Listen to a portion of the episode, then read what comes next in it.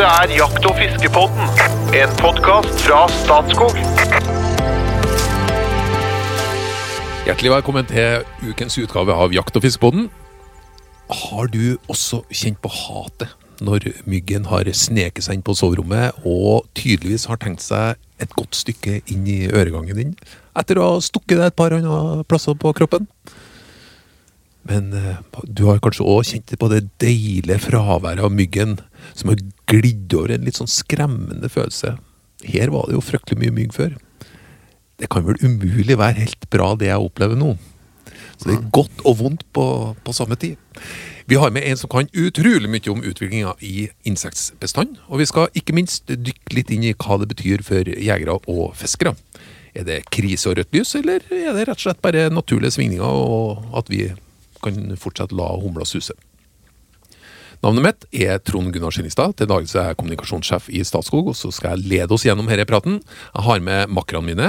Espen Farstad, han er kunstnersjel og informasjonssjef i Norges Jeger og Fisk. Hjertelig velkommen. Tusen takk. Og mann som jakter mer enn sin egen skygge, rypedoktor og fagsjef i Statskog, Jo Inge Bresjeberget. Hjertelig velkommen. Tusen takk. Jo Inge, mm. hvilket insekt liker du best? Hva er favorittinsektet? ditt? Eh, humler, bier.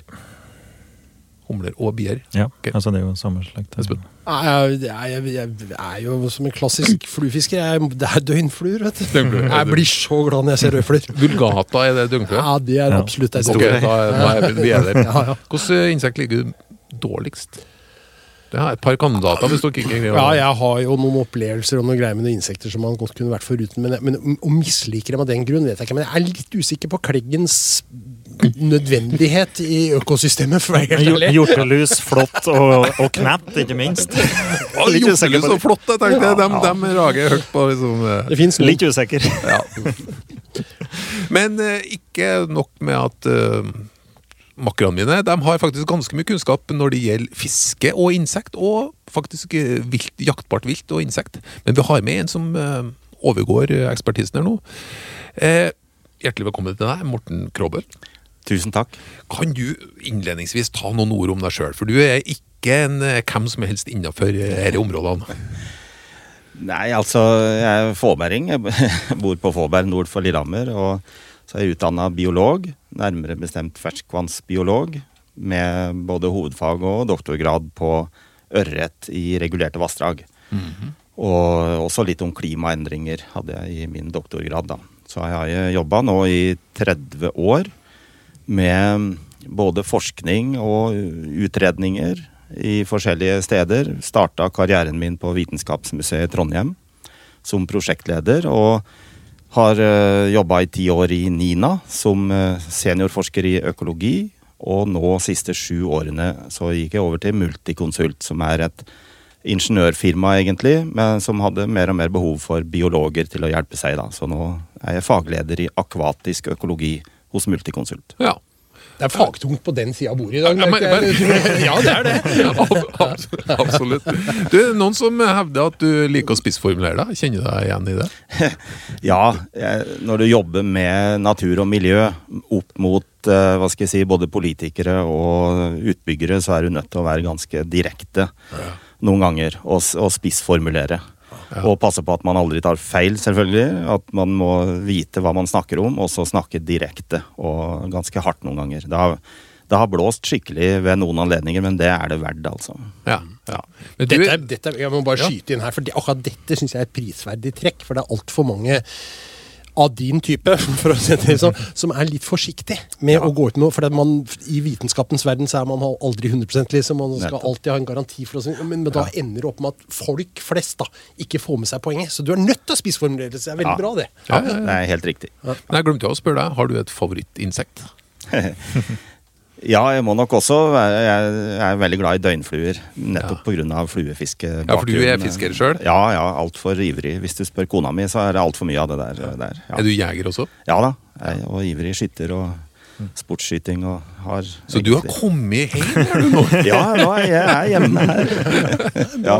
Ja, Har du et insekt som du liker spesielt dårlig, du òg?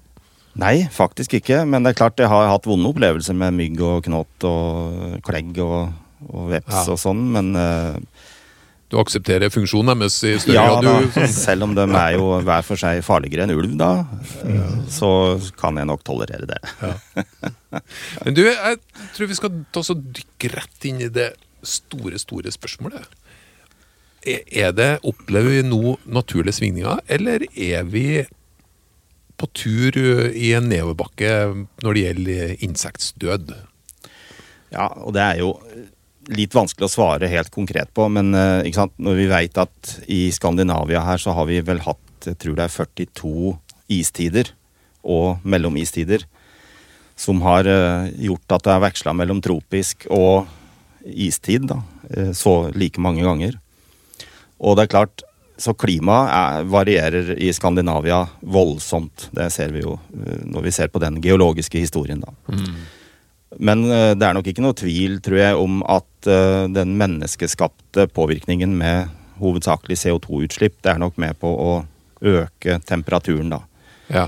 Selv om det at den øker eller avtar, det vet vi jo fra før industriell tid, at det var altså Det prega jo kloden vår, har gjort i all tid.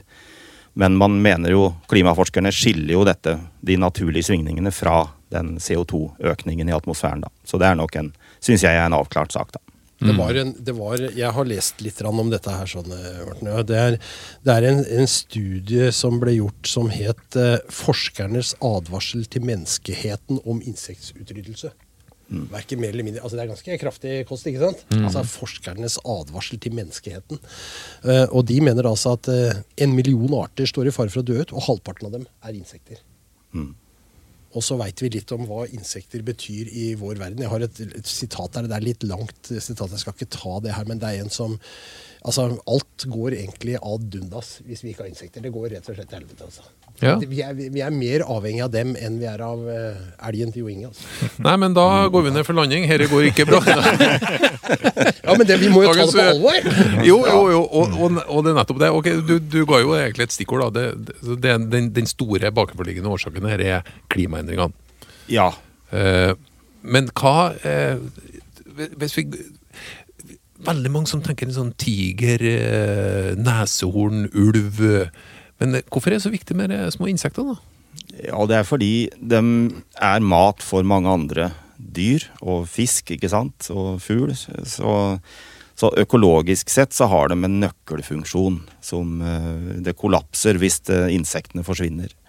Og så må vi jo ta med det menneskelige, eller sivilisasjonsperspektivet her, med at tror, Er det ikke 60-70% av verdens matproduksjon er helt avhengig av pollinering? Pollinering, Ja, ja. og da er det jo landinsekter først og fremst. ikke sant? Nå skal vi vel mer ned i vann, men det sier noe om insektenes betydning for eh, bærekraft og velferd og økonomi. Men du, eh, Espen ga noen sånne over, overordna tall. Hvor, hvor raskt skjer den utviklinga nå? Den insektdøden, da. Ja, det er litt forskjellige studier, men uh, Naturpanelet kom jo i 2019 med en kraftig eh, redegjørelse for dette her. Og jeg fant et studie f.eks. i Tyskland, Uh, hvor uh, så Det er et sted som heter et naturreservat som heter Breitenbach. Hvor de har en 40 års eh, observasjonsserie hvor 80% av døgnfluer, steinfluer og vårfluer har forsvunnet på 40 år. Og dette er alvor, for mange dette prosent, er du? fluefiskinsekter. Ja, det, ikke sant? Det er alvor. og dette er et naturreservat uten særlig andre inngrep. Men eh, det er, eh, relateres det til klimaendringer som er Ja. årsaken. At temperaturen øker, og da får du at uh, artsmangfoldet Noen liker den varmere uh, temperaturen, mens en del av disse artene vi snakker om her, er litt kaldtvannskjære. Og da mister de sitt optimal uh, temperatursjikt, da. Og så blir de enten utrydda, eller at de minker i omfang. Så Jeg, jeg, jeg, har, jeg, har, jeg har Altså, du er inne på noe her. For det er jo veldig lite overvåking av dette. ja. Det som skjer, er jo bekymra sportsfiskere som ringer til sånne som Ja, deg ja. eller andre. Ja, ja. Og jeg har en sånn historie sjøl, for at jeg har fiska i mange år øh, i Galtsjøen øverst i Engerdal. Ja. Eh, og har elska å ligge der på natterstid i første uka i juli og fiske sik. Eh, fordi det er enorme klekkinger av vårfluer. Mm. Altså det, er, det var skyer med vårfluer, og det var Mm. massivt med fisk rundt båten. Som var, det var helt- sånn eventyrfiske, syns jeg. Jeg er jo glad i å fiske sikk. på noen, de siste åra så har dette endra seg helt. Ja. Det vårfluefisket er. Du kan være ute om natta, det er helt dødt. Til gjengjeld så har det jo blitt et eh, eventyrlig flott vulgatafiske på, på Ja. dagtid der. Ikke sant. Ikke sant? Oh, ja. Som ikke var der tidligere. Nettopp, nettopp. Så poenget mitt er bare at naturen er jo også dynamisk. Ja, absolutt. Og hvor er dette en krise, eller er det bare en endring? Ja, jeg vil si begge deler. Det er jo en krise hvis det endrer seg på kunstig vis, egentlig. Men uh, det er nok sånn at det er robust. Det er alltid arter som tar over der noen må slippe taket.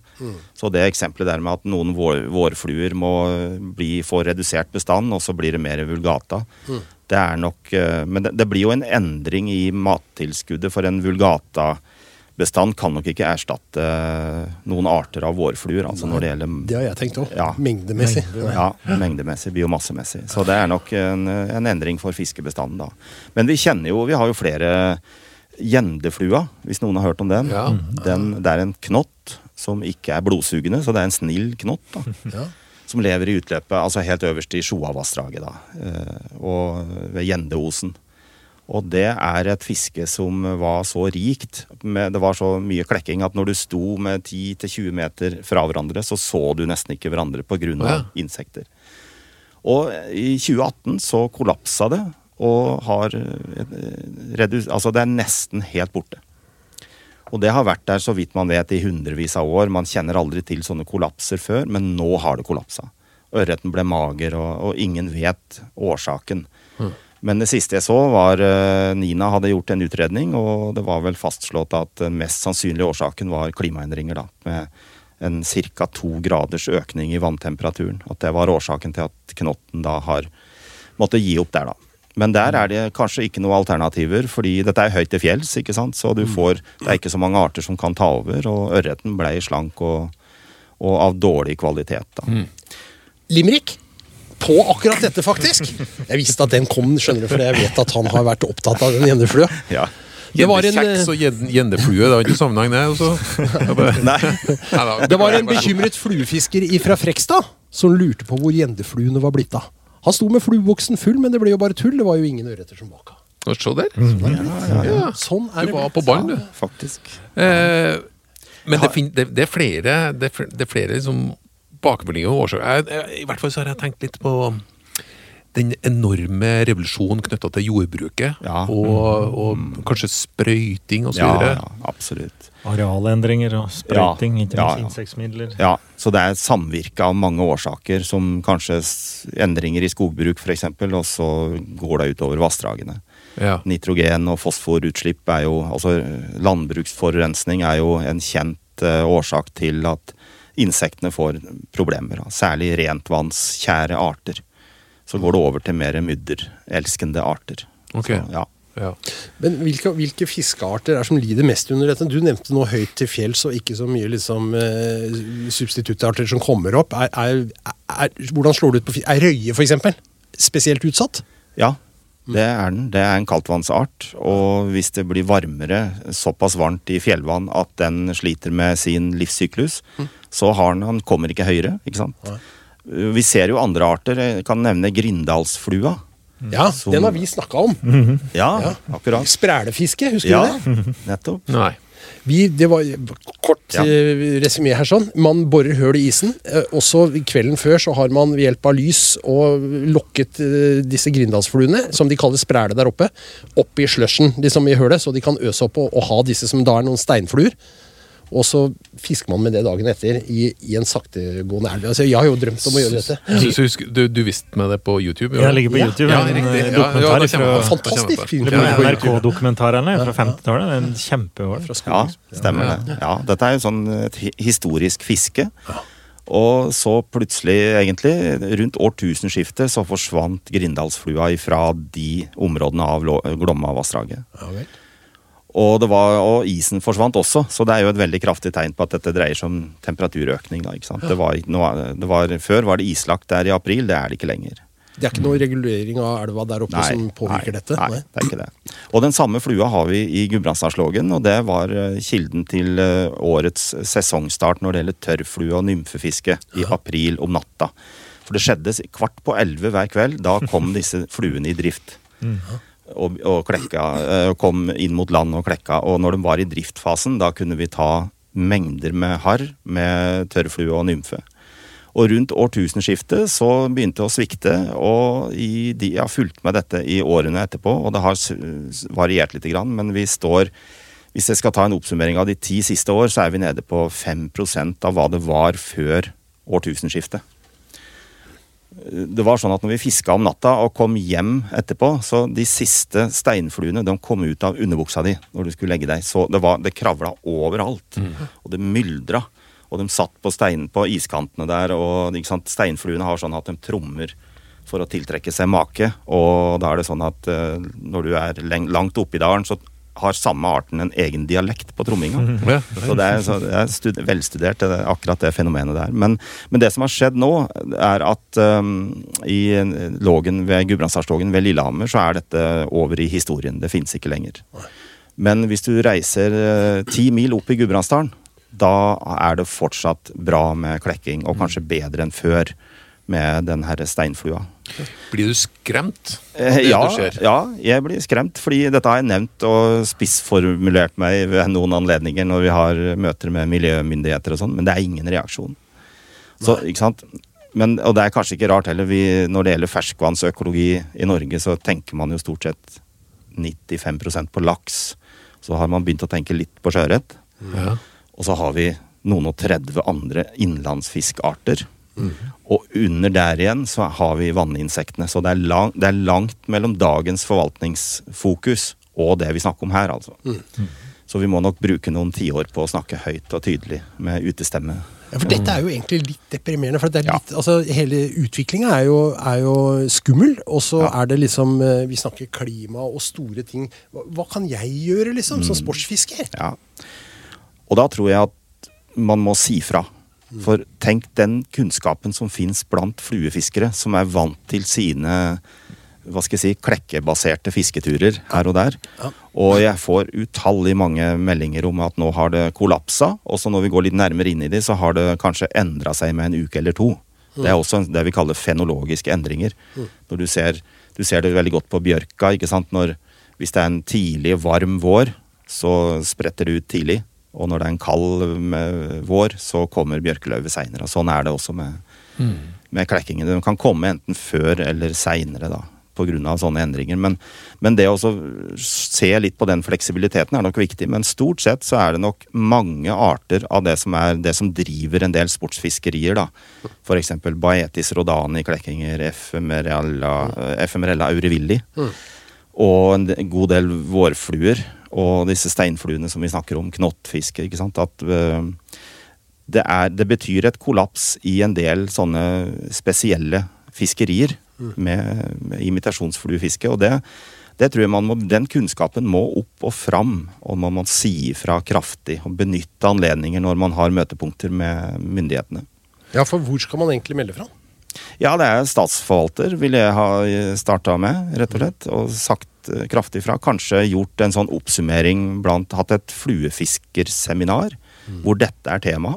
Da tror jeg man hadde hatt mye, mange arter på lista si, og mange lokaliteter hvor man kunne undersøke det. Vi skulle hatt en sånn landsdekkende interesseorganisasjon for dette, vet du. Jo, men det er ikke noe Ja, det, Det fins Jo, jo, men altså- ikke det. Jo, men vi, vi, vi, vi, har, eh, vi har diskutert faktisk det. Altså. Det er, jeg synes det er et veldig godt eh, innspill det at uh, kanskje man liksom skulle bidra til å sette fokus på problematikken litt breiere. da. Ja.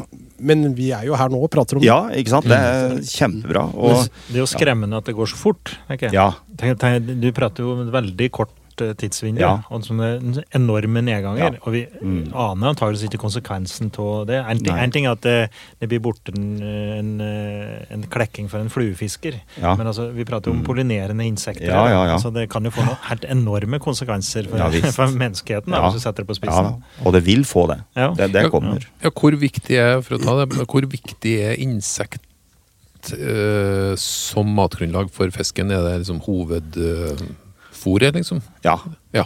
enkelt og greit. Ja. Kan jeg få lov å lese det der lille sitatet? For det, det, er, det oppsummerer det du spør om nå. ja skjønner du? takk. det er en som heter Wilson, som for en god del år siden uttalte dette her. Han sier hvis virvelløse dyr, altså insekter, skulle forsvinne, tviler jeg på at den menneskelige arten kan vare mer enn noen få måneder. De fleste fiskene, amfibiene, fuglene og pattedyrene ville krasje til utryddelse omtrent samtidig. Deretter går hoveddelen av blomstrende planter, og med dem den fysiske strukturen til flertallet av skogene og andre terrestriske habitater i verden. Jorden ville råtne.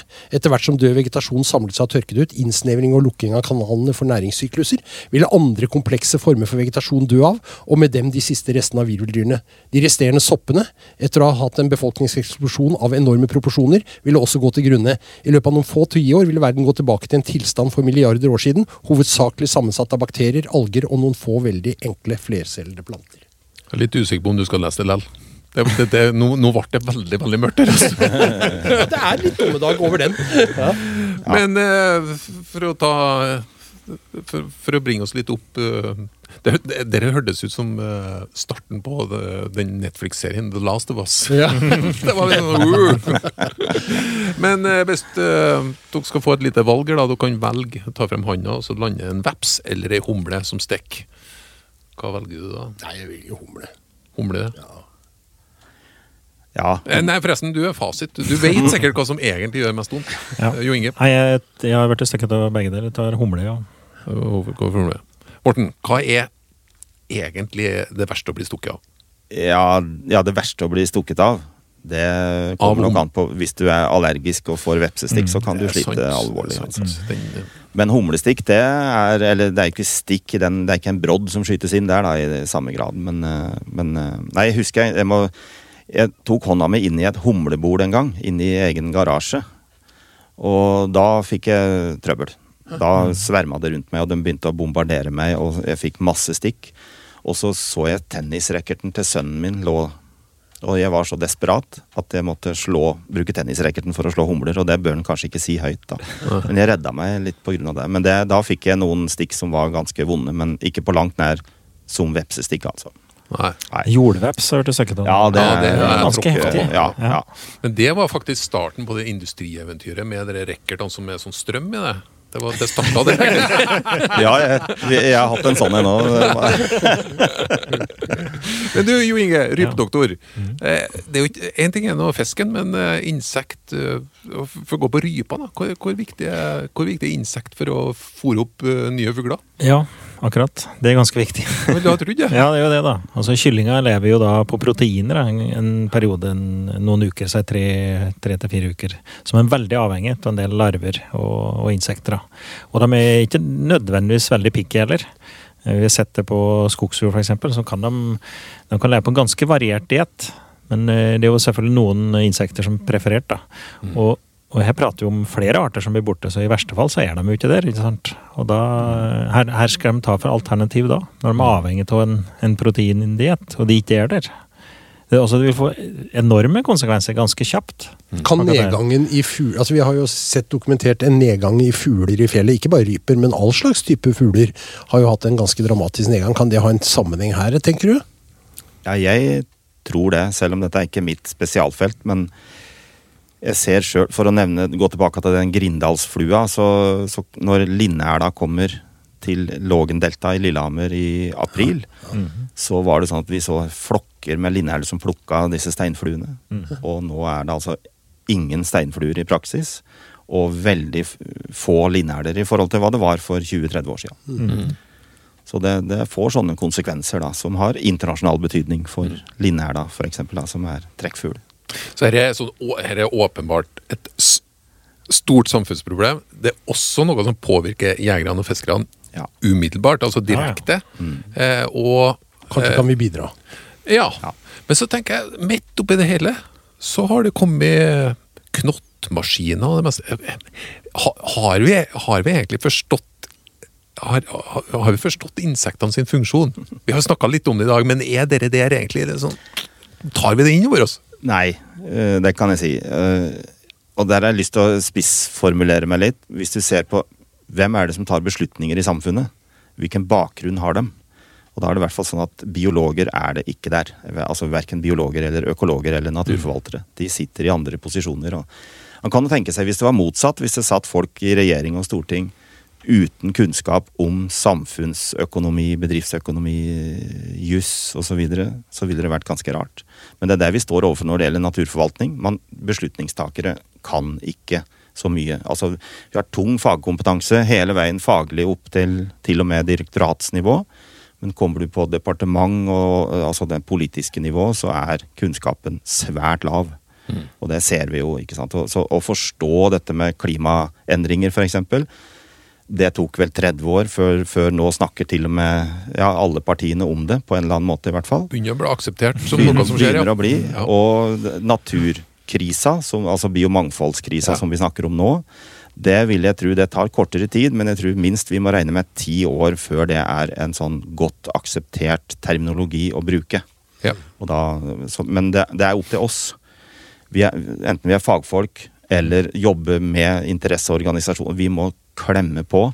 Og minner også om at det er et krav i naturmangfoldlovens paragraf 8 om kunnskapsgrunnlaget, og da er det sånn at den lokale og erfaringsbaserte kunnskapen, den skal med når man eh, f.eks. skal gjøre et inngrep et sted og utrede. Mm. Det stiller krav til økosystemperspektiv. Mm. Og Det er det som er mye av problemet vårt òg. Altså, både jeg og du sliter vel med at vi er artsspesialister, først og fremst. ikke sant? Mens uh, oppdragene som jeg har nå som, uh, i, i, min jobb, det går ut på å greie ut om økosystemkonsekvenser av f.eks. å bygge en veiparsell her, eller et kraftverk. ikke sant? Og så sitter jeg der og veit fryktelig mye om ørret, da. Mm. Mm. og så kaller jeg meg økolog. ikke sant? Så det blir litt vanskelig hvis du er økonom, f.eks., og så har du bare hørt om kroner som valuta. Mm. Og så skal du snakke om eh, liksom, økonomi i et litt større perspektiv. Men da skal jeg si det sånn at Jo Inge, mm -hmm. du som er en eh, fagperson innen eh, landets største grunner, da må du ta inn over deg insektperspektivet når Statskog driver med arealutnyttelse. Morten, fortsett å spissformulere deg. Få forskninga frem i den offentlige debatten. Espen, Norges Jegerfisk. Ekstremt viktig oppgave knytta også til insekt her. Mm. Og med disse bevingede ord så skal vi gå ned for landing med en hot or not. Mm. Det vet jo ikke du helt uh, hvordan det er, da, men det fungerer Nei. sånn at du skal enten si hot, eller, eller, du skal si not. Og det er ikke noe resonnement eller noen verdens ting. Og det starter Helst sånn. uten betenkningstid. Ja. Espen, Morten, Jo Inge. Hanglider, hot or not? Not. Not. Not.